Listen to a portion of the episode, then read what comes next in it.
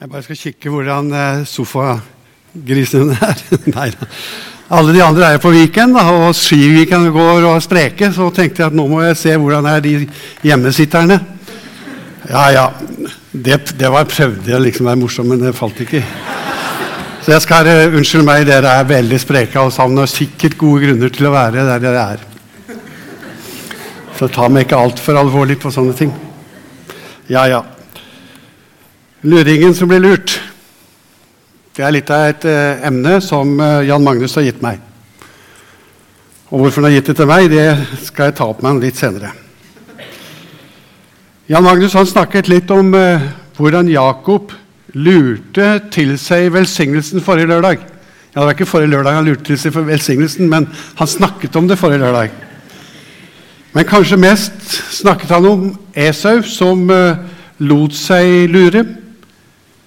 Velsignelsen betydde ikke så mye for han.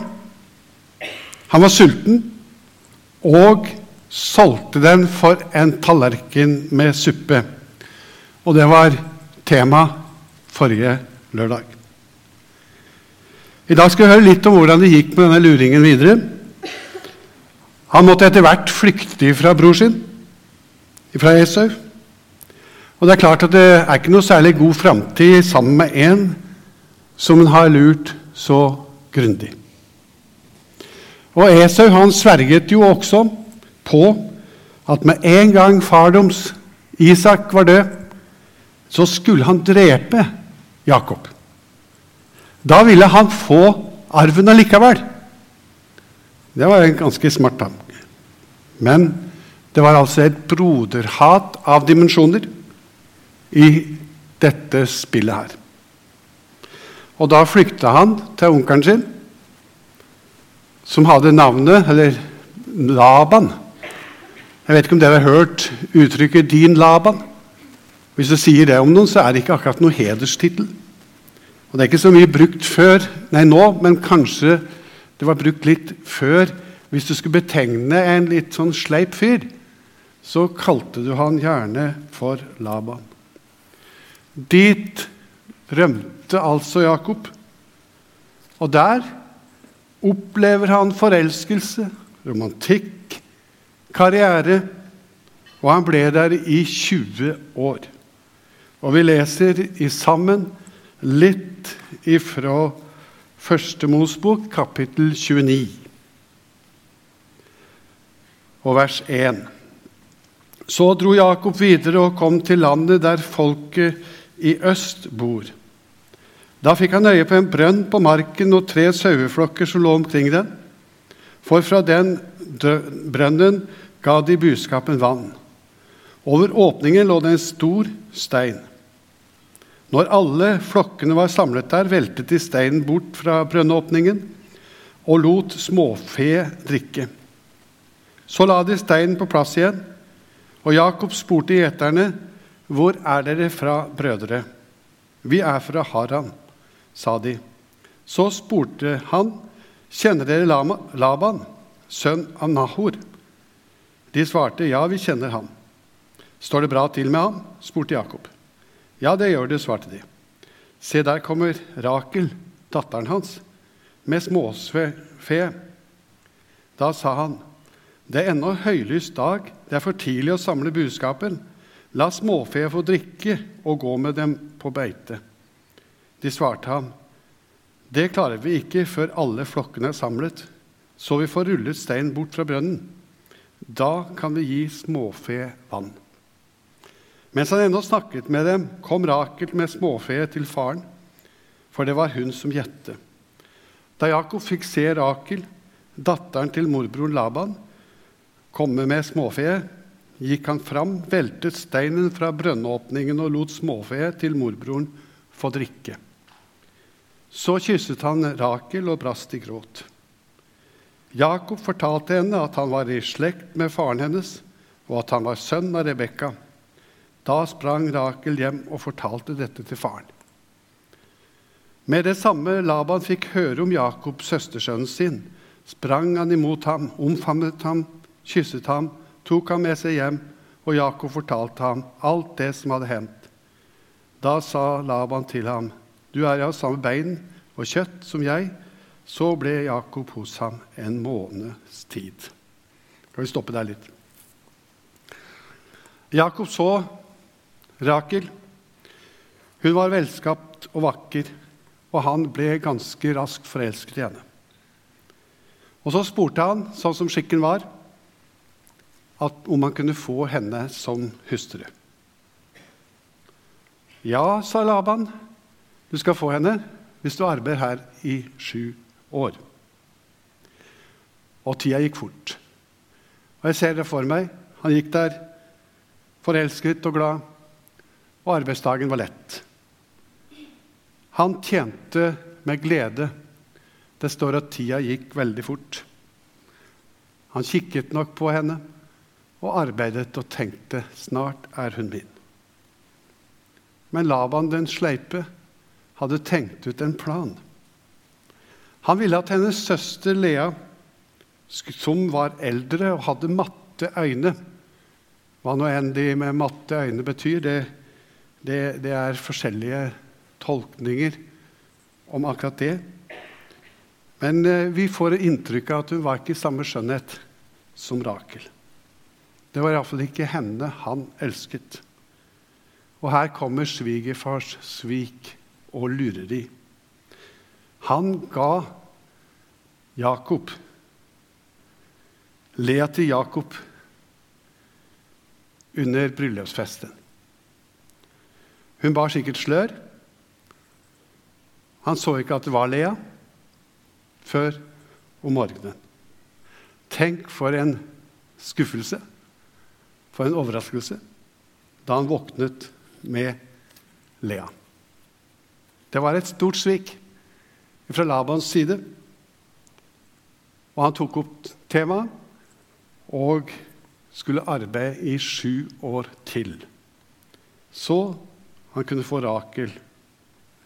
Og straks etter at bryllupsuka var over, så fikk han Rakel og arbeidet da med glede i syv år til. Vi går inn i teksten i vers 25. Men da det ble morgen, står det, se, da var det Lea. Jeg skulle holdt en hel tale om akkurat det, hvor skuffa han egentlig ble. Men jeg vet, jeg vet, ikke om jeg skal gjøre det. De får tenke det sjøl. Jakob sa til Laban, 'Hva er det du har gjort mot meg?' 'Var det ikke for Rakel jeg tjente hos deg?' 'Hvorfor har du lurt meg?' Laban svarte, 'Vi gjør det ikke slik her hos oss at vi gir bort den yngste før den eldste.' 'La bryllupsuken gå til ende, så skal du få den andre også.'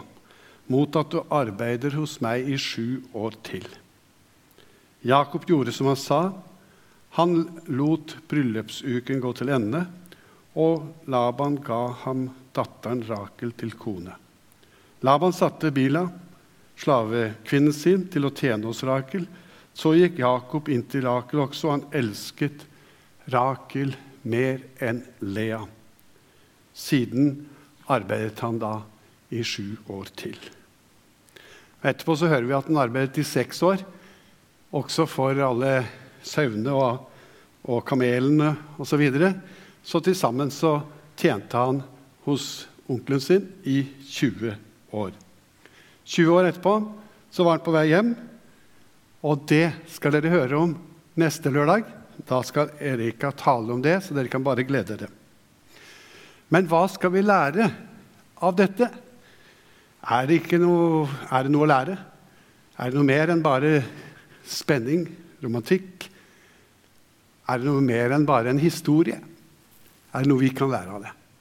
Det er det spørsmålet vi skal ha oppe i dag. Det var eh, dysfunksjonelle familieforhold. Det var svik. Det var uærlighet. Det var rivalisering. Det var sjalusi, hat, mord, ja, til og med brodermord. Men vi skal lære Gud angret ikke på sitt kall og sin utvelgelse. Hvis de tar oss og løfter oss litt opp ifra liksom alle disse spenningene som er i denne beretningen, og ser det litt i fugleperspektiv, slik som f.eks.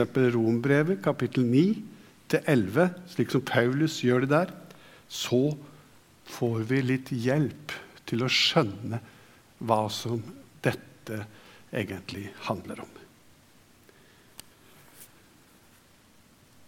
Det er altså Gud som holder historien i sine hender. Og det er Gud som har en plan med alt det som her skjer. Og når vi ser dette, så kommer det også noen smertefulle spørsmål opp. For det, vi ser at Gud valgte Jakob framfor Esau. Hvorfor? Bare fordi han var så mye bedre? Hadde han, hadde han noen kvalifikasjoner som var bedre egnet til å bli stamfar for Israels folk? Eller hva var det egentlig? Dette får vi ikke svar på. I psykologien så hadde vi på 70-tallet en eh, slags test som heter marshmallow-testen. Det er sikkert noe dere har hørt om. eller Hvis ikke, så skal jeg si kort hva den gikk ut på. Hvis du tok et, noen barn og så sa til disse barna at hvis du spiser Eller du, du satte fram sånne søtsak til dem og sa at hvis du kan vente i ti minutter, så skal du få to slike søtsaker. Og de som klarte å vente i ti minutter, de forska de på senere. Og etter ti år, etter 20 år. Og så påsto de at de gikk det mye bedre med enn de som ikke klarte å vente. Og Somtider kan vi føle at det kanskje er sånne tester som Gud bruker. At de som har noen sånne karaktertrekk som er bedre enn andre, gjør at de fortjener på en måte Guds velsignelse. Men slik er det altså ikke. Guds utvelgelse av Jakob, det er ikke noen slik tanke som ligger bak. Han, Esau, solgte riktignok hele sin førstefødselsrett pga. en eh, suppetallerken som de hørte forrige lørdag. Og han hadde så behov for å bli, få tilfredsstilt sitt øyeblikkelige behov. Og på den måten så kunne han ha passa inn i denne testen. Han klarte ikke å vente. Men hvis vi stopper litt opp og spør hva så med Jakob? Var det et så mye bedre valg? Han som prøvde å utnytte sin brors svakhet, hans svake punkt. Han stiller egentlig ikke noe bedre, han. Det er noe annet som ligger bak. Noe som er på en måte mye større. En høyere plan. Og Gud hadde på forhånd sagt at den eldste skulle tjene den yngste. Han hadde gitt et løfte til bestefar Abraham om at i din slekt, i din ett, den skal bli så stor at om du ser på stjernene og prøver å telle alle stjernene, så skal de bli like mange. Eller når du ser på sandkornene på stranden, prøv å telle dem. Slik skal det også bli i din ett. Så så han på kona si, da. 90 år gammel, og så på seg sjøl 100 år. Og så skjønte han at dette her ser litt problematisk ut. Å få barn i denne alder. Og det er ikke rart at Sara lo. Men Gud hadde gitt et løfte. Et løfte som var bundet fast til en slags utvelgelse. Og Gud han glemte ikke sitt løfte til Abraham. Og så fikk han Isak. Det kan dere, og dere har hørt om. Og så fikk Isak og Rebekka tvillinger, Esau og Jakob. Esau var den eldste. Han hadde muligheten dem, men det var Jakob. Han hadde utsett seg til å være stamfar for Israel. Og hvorfor det var han, har vi altså ikke noe svar på. Han utvelger, og han har en plan som ikke er grunnet på Jakobs moralske, religiøse, intellektuelle styrke. Helt uavhengig av Jakobs kvalifikasjoner så ble han utvalgt til å være stamfar for Guds folk. Og Vi ser videre at Gud gjennom denne utvelgelse av Jakob har en masterplan for sitt folk. Det er en vilje som ligger bak, som er mye større enn det subjektive og det historiske som skjer akkurat der. Det er en plan som har noe med deg og meg å gjøre. At Gud utvelger seg et folk, det gjør han ikke fordi de er bedre. At Israel var bedre og mer egnet enn andre folkeslag. Fordi det har bestått en eller annen slags test. Slettes ikke. Men pga. sin frie vilje så utvalgte han Jakob og hans tolv sønner, som ble stamfedre for Israels tolv stammer. Han gjorde det fordi at det velsignelse som skulle gis til Abraham, og var lovet Abraham, at i hans slekt så skulle det bli så mange som stjerner og som sandkorn. Vi kan si det slik og kalle det på den måten at denne utvelgelsen det var en åpenbaringsøkonomisk utvelgelse. Litt tung, kanskje, men det hadde med Guds store plan for menneskeheten å gjøre. Det hadde med et oppdrag å gjøre. At folket Israel hadde fått et oppdrag for at i denne, dette land, i denne slekt, så skulle det fødes en som skulle komme og bringe Abrahams velsignelse til alle de som, løft, som, løftet, var, som løftet snakket om. Og det var ingen av de som var utvalgt, som hadde noe fortrinn framfor noen andre. Men det var bare Gud som pekte de ut og sa at dere har dette oppdraget å ta vare på paktene, på offerhandlingene, på profetiene, på alt dette. Og i dette som peker fremover imot det ene som skulle skje i påsken. Det som skulle skje da Jesus kom. Det pekte alt sammen denne veien for at løftet til Abraham skulle oppfylles.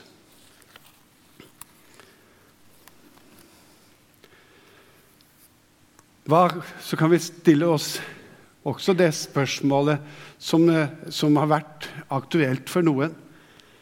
Er det slik at det er noen av oss som er forutbestemt til å gå fortapt, mens andre er forutbestemt til å bli frelst? Er det slik at det er en slags dobbelt utvelgelse? Det finnes teologer som sier det. Nei, slik er det ikke. For Jesus han døde for alle menneskers synder. Han vil at alle mennesker skal bli frelst. Han vil ikke at noen skal gå fortapt. Se det Guds lam, sa døyperen, som bærer all verdens synd. Ikke bare de fromme, ikke bare de som bestått noen tester ikke bare de som er utvalgte sine synder. Nei, alle menneskers synd. Han, Jesus, er utvalgt til å bære dine og mine synder.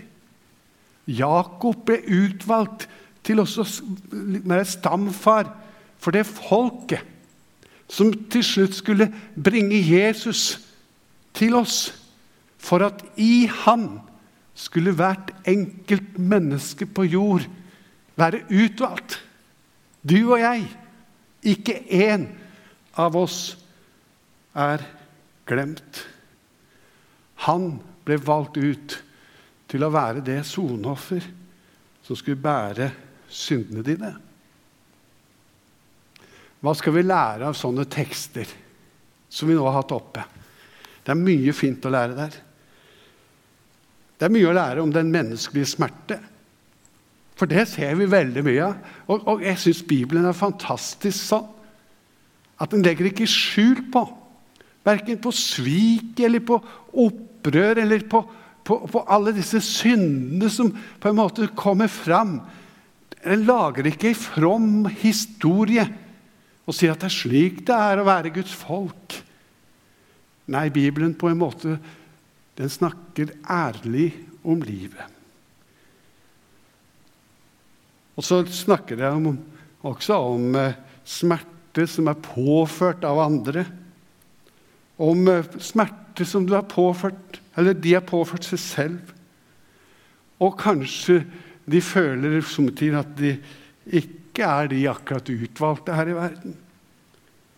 Men så sier det at alle, både de som er med innenfor de, de, de bekjennende sammenhenger, og alle andre, de har stort sett samme utfordringer.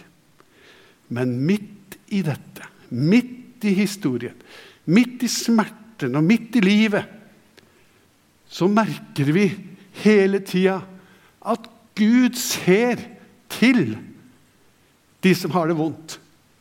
De som har det så vanskelig. Og Det står en liten detalj om Lea. Jeg syns den var fin, og jeg streka under den. Da Herren så at Lea ble sett ned på, åpnet han hennes mors liv. Men Rakel hun forble barnløs ganske lenge. Det, det, det er akkurat som Selv i dette virvaret av hendelser, i dette livet, så har Gud kontroll. Det har jeg lyst til å si til deg det skal du lære av tekstene i dag. Gud har kontroll. Og han vet om de små ting i livet ditt. Han vet om de smertepunktene du går og tenker på, helt innerst der inne. Noe som eh, ingen andre kan skjønne, egentlig.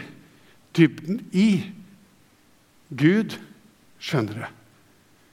Og så var det akkurat som han tok tak i den som hadde det vanskeligst, hun Lea. Og så så han til henne på en spesiell måte. Kanskje du kjenner litt på det. Du er satt i en situasjon som er spesielt vanskelig. Gud har omsorg for deg. Vi ser også videre hvor fortvilet Rakel ble senere, etter at hun, Lea, hadde fått sønn etter sønn etter sønn. Og en, nå kan kanskje Gud, sier, sier Nei, kanskje Jakob like meg, for nå har jeg gitt han så mange sønner. Men allikevel så ser du denne spenningen, dette vanskelige som var mellom dem. Og så kommer Rakel til Jakob og sier, 'Nå må du gi meg en sønn, ellers så dør jeg.' Jeg omkommer i smerte her. Og så opplevde hun også å komme i en bedre situasjon. Dette er bare to eksempler på disse to kvinnene. Sine smertefulle liv. Hva de opplevde, og hvordan Gud i deres tanke, i deres liv, var hos dem og hjalp dem. Slik er Gud i dag. Men det er et dypere og sterkere og viktigere poeng i teksten og tekstene som vi har for oss disse lørdagene. Du som er her. Du er utvalgt. Du er utvalgt. Det er ikke et eneste menneske som er utvalgt til fortapelse. Gud vil ikke at ett menneske skal gå fortapt, står det i Peters brev. Og Abrahams velsignelse, den er din. Den er din. Og det er det som er bakgrunnen, og det er Guds store masterplan. At han skulle nå deg med sin velsignelse. At han skulle få tak i deg. At han skulle få gi deg det evige liv. At selve Abrahams velsignelse skulle komme til deg. Frelsen. Det er så stort. Og Vi skal lese i slutten av denne andakten et avsnitt fra Efeserbrevet som sier litt om det, akkurat som Paulus vil undervise oss om storheten i dette. Han klarer liksom ikke å stoppe. Og Vi finner Efeserbrevet 1 fra vers 3. Der står det slik.: Velsignet er Gud, vår Herre Jesus Kristi Far. Han som i Kristus har velsignet oss med all åndens velsignelse i himmelen. I Kristus, står det, i Kristus utvalgte han oss. Så når han valgte Jakob, når han valgte Israel, når, valgte sin, når Gud valgte sin egen sønn, så var det et mål. I Kristus utvalgte han oss. Før verdens grunnvoll ble lagt, står det. Så planen at Gud ville ha kontakt med deg, har vært der hele tiden. Og den planen går ut på at du, du skal stå for Guds ansikt. Hellig og uten feil. Ja, det er mange feil med deg, og enda flere med meg. Med oss. Vi kunne sikkert ramse opp mange, alle sammen. Vi kjenner noe av det. Men pga. at synden ble lagt på han, han døde i ditt sted, så eier du hans renhet, hans hellighet, hans feilfrihet. Den har, tatt, den har du fått. Og Det var Guds masterplan. At du skulle få eie denne frelsen, denne velsignelsen, som er at han døde i ditt sted og ga sitt liv for deg etter sin egen gode vilje avgjorde han, står det der, på forhånd at vi skulle få rett til å være Guds barn ved Jesus Kristus, til lov og pris for Hans herlighet og nåde, som Han overøste oss med, i Ham som Han elsket så høyt. I Ham, i Jesus, har vi friheten, kjøpt med Hans blod tilgivelse for syndene våre. Så rik er Guds nåde, som Han har latt strømme over oss med all visdom og forstand, da Han kunngjorde for oss sin viljes mysterium. Det var hans viljes mysterium å gjøre det på denne måten. Vi skjønner ikke dybden av det, men vi kan grunne på det, og vi kan glede oss over det at han hadde en plan for å få tak i akkurat meg og akkurat deg. Han ville fullføre sin frelsesplan i tidens fylde og sammenfatte alt i Kristus. Alt i himmelen og på jorden. I ham er vi også blitt arvinger, vi som på forhånd var bestemt til det, står det. Etter Guds forsett. Han som gjennomfører alt etter sin egen plan og vilje. Jeg har lyst til å si en liten ting til deg. Jeg husker min ungdom, så sa jeg til han som har vært min far Jeg kjente på at det var så mye rart i mitt indre. Så sa jeg at jeg tror ikke jeg, jeg, tror ikke jeg kan være noe kristen. Jeg passer egentlig ikke til å være kristen.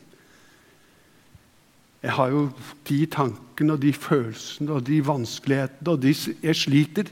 Jeg sliter, sa jeg. Og da så denne mannen, Per Lere, på meg og sa Husk på én ting, Jan. Sånn. Han visste alt om deg før han kalte deg. Han visste alt om deg før han kalte deg. Gud hadde en plan fra evighet av for mitt, for ditt liv. Han visste alt om deg Absolutt alt. Han kjente deg før han kalte deg. Og likevel så sier han, 'Du, jeg elsket deg så høyt.' Jeg som har visst, vet om, har allvitende, vet alt. Jeg elsket deg så høyt at jeg ga sønnen min for deg, slik at du skal framstå hellig og ulastelig og ustraffelig for mitt åsyn. Så om du er en luring Ok. Om du har blitt lurt Det skjer jo. Om du føler deg sleip som Jakob, eller lite elsket som Lea Du er utvalgt i Kristus. Forkast ikke utvelgelsen.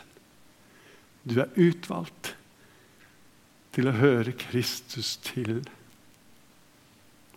Så da la de følelsene få lov til å være der, og smertene skal du få kjenne på. Noen ganger så går det opp, og noen ganger ned. Og enkelte ganger kan vi bli fri i det også, og bli helbredet. Men det viktigste er da Jesus døde på korset, så var det for deg. Gud velsigne deg.